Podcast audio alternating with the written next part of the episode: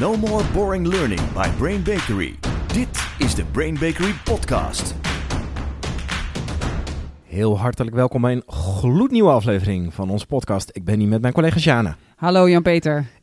Dit wordt een hele praktische podcast. We gaan het in deze podcast hebben over de vijf dingen die handig zijn om te weten rondom trainingszalen, trainingsruimtes, opstellingen. Wat werkt wel, wat werkt niet? Wat zijn de dingen waar je als trainer nou even op moet letten? Wat wil je nooit tegenkomen? Juist. We delen vijf handige praktische tips met je. Ja, en ik wil als eerste even beginnen met een van de bekendste managementtheorieën uit 1968. Dus let wel, van de vorige eeuw. Bijna iedereen kent hem. Dat is namelijk de theorie situationeel leiderschap. Ah, Hershey en Blanchard. En die is Ja. van Hershey en Blanchard. Ken Blanchard, onze grote held. En Hershey die een beetje in de vergetelheid is geraakt in trainingsland. Ehm, en zij hebben een eh, hele aantal artikelen geschreven...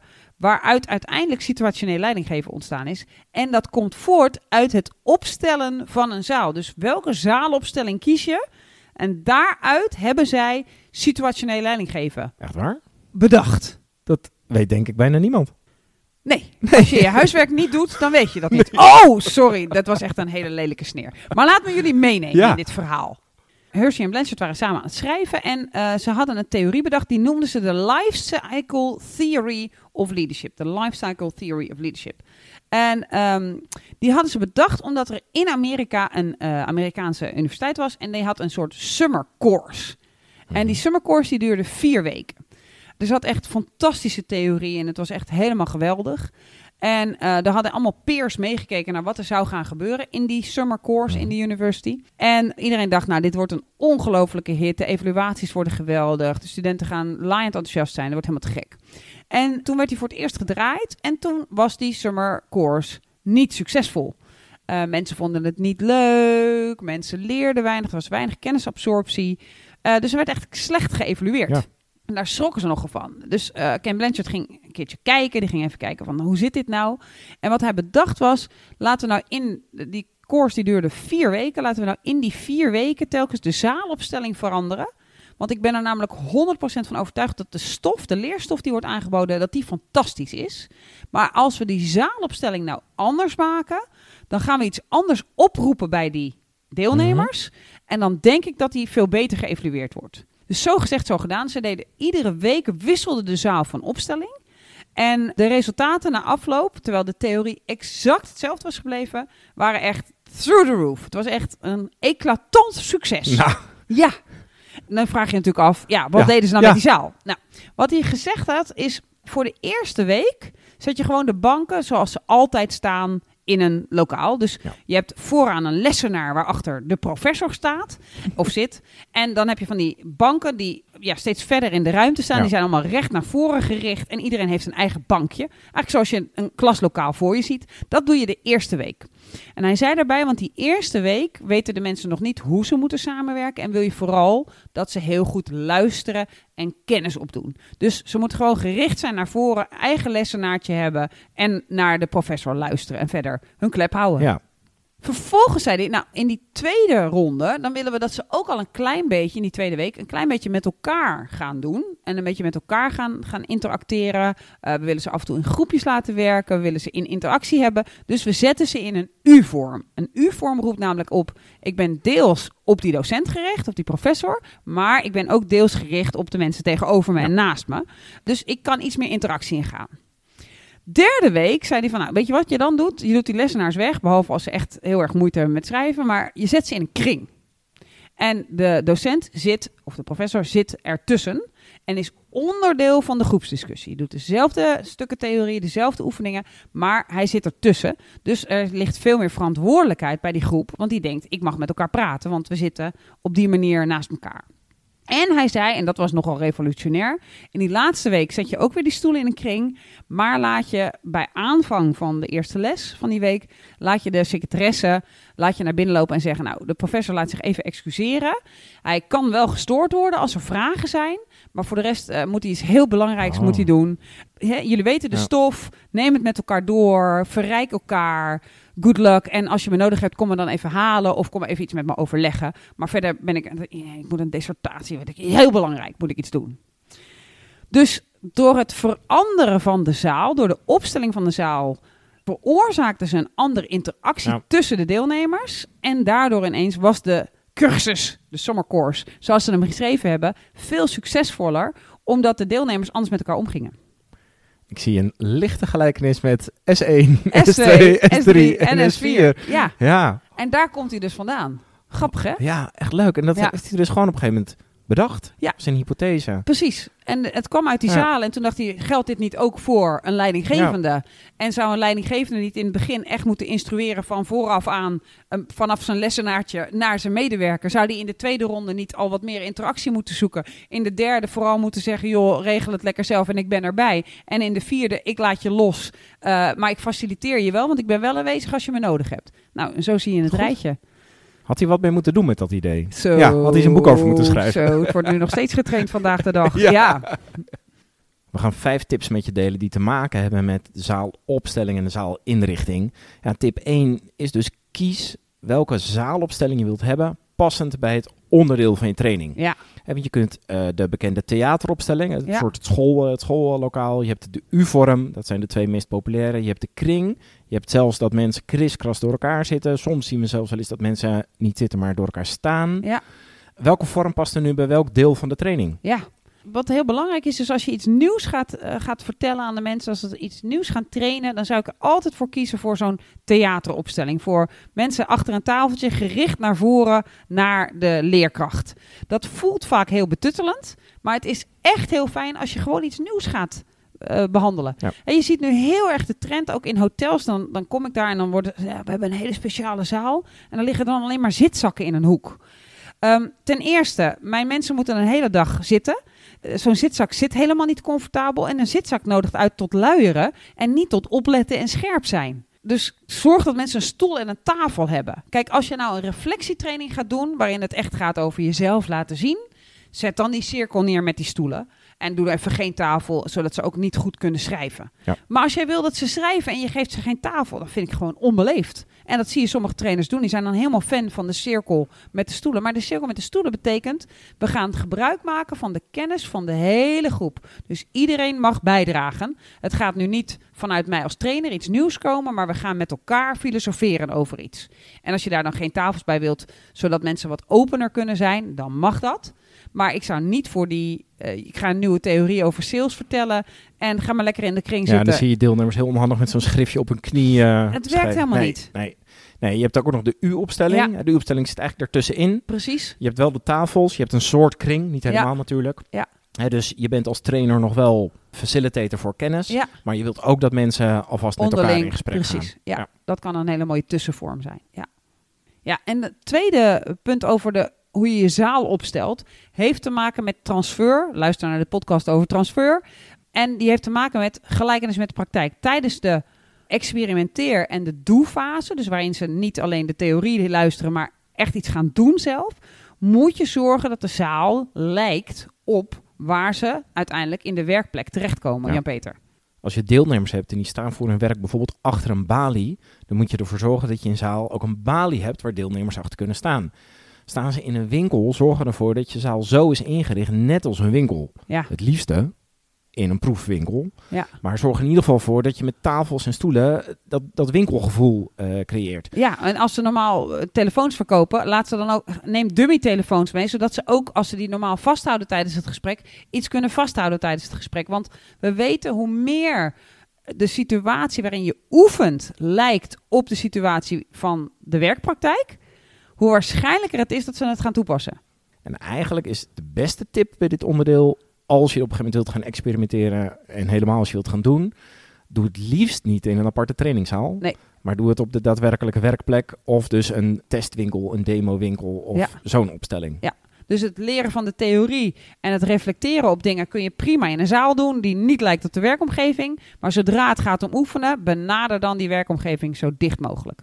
Als bijvoorbeeld medewerkers iets moeten oefenen in een gesprek met een klant, maar daartussen zitten ze normaal in een computer, zorg dan dat die computer er ook staat, zodat ze ook datgene loggen terwijl ze met die klant in gesprek zijn. Want als je ze leert om heel leuk te doen tegen een klant in een training, maar vervolgens moeten ze op hun werk daarbij typen, dan is het een hele andere situatie. Dus de kans dat ze het gaan toepassen veel moeilijker. Want dan denken ze, ja, ik kan het leuke gesprek wel hebben, maar niet terwijl ik typ. Hoe doe ik het dan terwijl ik typ? Dus zorg dat je bij het oefenen dat alle omstandigheden zoveel mogelijk lijken op hoe het in het echt is.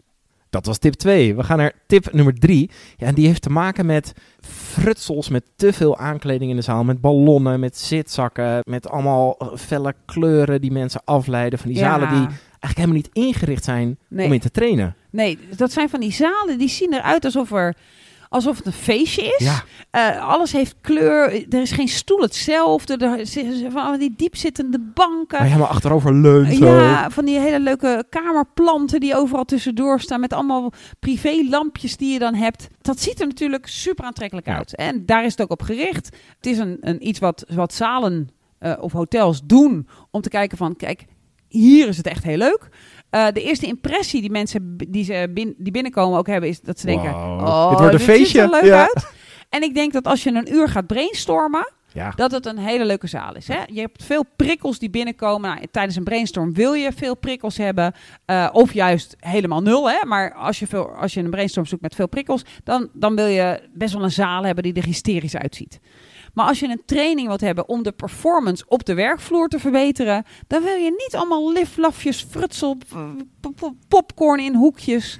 eh, etensgeuren, 3D geprint tapijt. Je wil het gewoon allemaal Nee. niet. Om twee redenen. Eén, eh, heel vaak is het uiteindelijk helemaal niet comfortabel voor deelnemers. Om de hele dag in een zitzak te zitten terwijl je moet schrijven bijvoorbeeld. En twee, heeft natuurlijk te maken met wat we net hebben gezegd. Je wilt dat de zaal, als je gaat oefenen, zoveel mogelijk op de werksituatie lijkt. Ja, en als derde, en misschien, misschien eigenlijk als eerste, is al die frutsels die leiden heel erg af van datgene waar je wilt dat de focus van de mensen op is. Tenzij je een, een training geeft over hoe richt ik zalen leuk en kleurrijk in, Doen. zou ik het Ja, niet doen. Nee, nee. Ja. Ja, als ik zo'n zaal zie, even heel bruut eerlijk, dan denk ik echt dat daar, als die wordt ingehuurd, dat dat een trainer is die iets heel saais gaat doen, maar die denkt dan compenseert die zaal, compenseert hoe, hoe afschuwelijk mijn training Ja. is. Maar dan ziet het er toch leuk uit op de foto. Dat, dat, daar verdenk ik zo'n trainer dan van. Krijgt hij waarschijnlijk toch een 8. Mhm. Door de zaal. Tip 4. Let op van die onhandige dingen die je echt kunnen storen of die deelnemers heel erg kunnen afleiden in zalen. Wat hebben wij in alle jaren dat we in die zalen komen allemaal al voorbij zien komen? Ja, verschrikkelijk veel. En dit is een van de dingen die we in onze trainer-trainer ook echt uitleggen is... heb nou iets wat wij noemen inmiddels zaaldiscipline. Dus zorg dat je op tijd bent en scan die zaal voor wat kan hier allemaal afleidend werken voor het doel waarvoor ik hier ben. Nou, denk daarbij aan heel veel verschillende dingen. Bijvoorbeeld aan een heel klein scherm. Ja, Als je super klein een- scherm waardoor mensen het helemaal niet kunnen zien. Nee, dus dan, dan kom je binnen en dan zeggen ze... Ja, we hebben een super geautomatiseerd tv-systeem. Dan kun je je laptop aansluiten via ClickShare. En ah, prachtig en dingen. Maar dan blijkt dat scherm zo klein te zijn... dat als jij daar een beetje klein op hebt geschreven... dat het niet meer te lezen is. Wat je ook vaak ziet is dat eh, zalen een glazen wand hebben. Ja. Een glazen wand aan de, aan de gangkant bijvoorbeeld. Waardoor je de hele dag mensen voorbij ziet lopen. Ja. En wat je dus de hele tijd ziet is de hoofden van de deelnemers draaien. Hé, hey, daar loopt er iemand voorbij. Wie is dat? Zeker als je een saaie training geeft... dan zie je hun hoofden de hele tijd draaien. Een teken aan de glazen wand. Juist. Dus let op. Wij vragen bijvoorbeeld altijd foto's op van de zaal waar we terecht gaan komen. Zodat we weten hoe ziet dat eruit? Moet ik iets afplakken? Hoe ga ik zorgen dat de focus van de deelnemers optimaal kan zijn? Ja. Wat je ook steeds meer ziet, eh, ziet voorbij komen zijn whiteboards in plaats van flipovers. Nou, Ja. de whiteboard op zich is helemaal goed. Ja. Alleen soms hangt hij op een hele onhandige plek. Ja. Hangt hij aan de zijkant of soms zelfs aan de achterkant. Dan kan de opstelling van de zaal niet anders. En dan hangt het whiteboard zo dat deelnemers de hele tijd opzij of achter zich moeten kijken. Super onhandig. Dus kijk goed hoe je je zaal opstelt rondom zo'n whiteboard of flipover. Flipovers zijn trouwens meestal wel te verplaatsen. Ja. We hebben ook nog eh, de gehoorigheid van zalen. Ja. Vaak van die zalen met zo'n eh, met zo'n schuifwand erin. Hè, Ja. dat je een zaal kunt opdelen in twee. Dan is daarnaast ook iets aan de, aan de gang. En dan hoor je de hele tijd applaus of gelach. Wat natuurlijk wel heel leuk is. Maar Ja. kan ook heel erg storen. Ja. Helemaal als jij in een wat serieuzere reflectietraining zit. Eh, een ander ding wat ik veel heb meegemaakt is dat je in de kelder wordt weggestopt. Hè? Oh. Dan zijn er een aantal zalen in de kelder en die hebben dan geen daglicht. Dat, lieve mensen, kost echt ontzettend veel concentratie van jezelf, maar ook van je deelnemers. Dus mocht je daar terechtkomen, dan heb je dus, weet je zeker, geen frisse lucht. En geen daglicht. Dat betekent dat je moet zorgen dat je pauzes wat langer zijn. Want iedereen moet eigenlijk dan naar buiten. Ja. Om even weer licht op de huid te ervaren. Want anders storten mensen in. Hun tijdsbesef gaat weg. En als het tijdsbesef weggaat, worden ze van binnen onrustig.